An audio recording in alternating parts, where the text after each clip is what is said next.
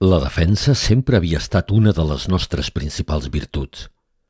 No eren poques les amenaces que havíem repel·lit. La setmana anterior mateix havíem acabat amb un bacteri que amenaçava d'envair-nos.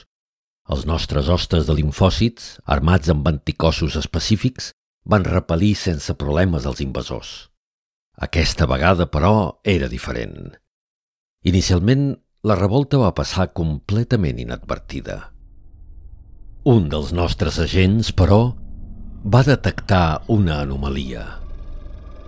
Una sèrie de cèl·lules no estaven funcionant. Generaven un seguit d'anticossos que cridaven a la insurgència. L'explicació era clara.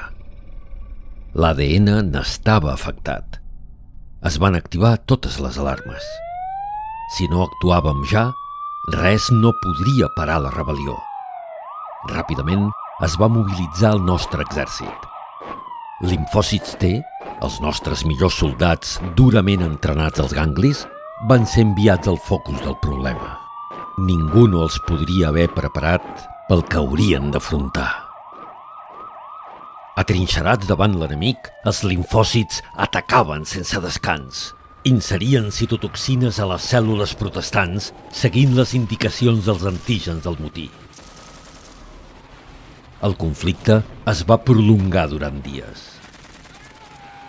Molts soldats van caure, incapaços de seguir lluitant amb el nombre creixent d'enemics. El cos començava a fallar les funcions no es podien dur a terme correctament. Si els insurgents arribaven al corrent sanguini, si es produïa la metàstasi, ja no hi hauria res a fer.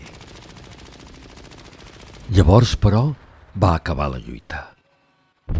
Un còctel químic provinent de l'exterior va recórrer tots els indrets del cos com si d'una enorme explosió es tractés destruint indiscriminadament amics i enemics. La guerra havia acabat.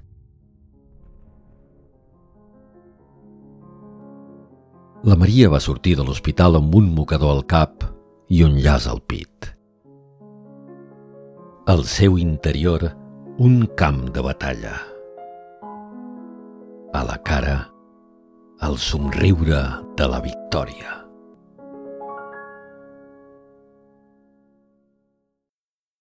Revolta cel·lular. Pseudònim biòleg de la tecnologia.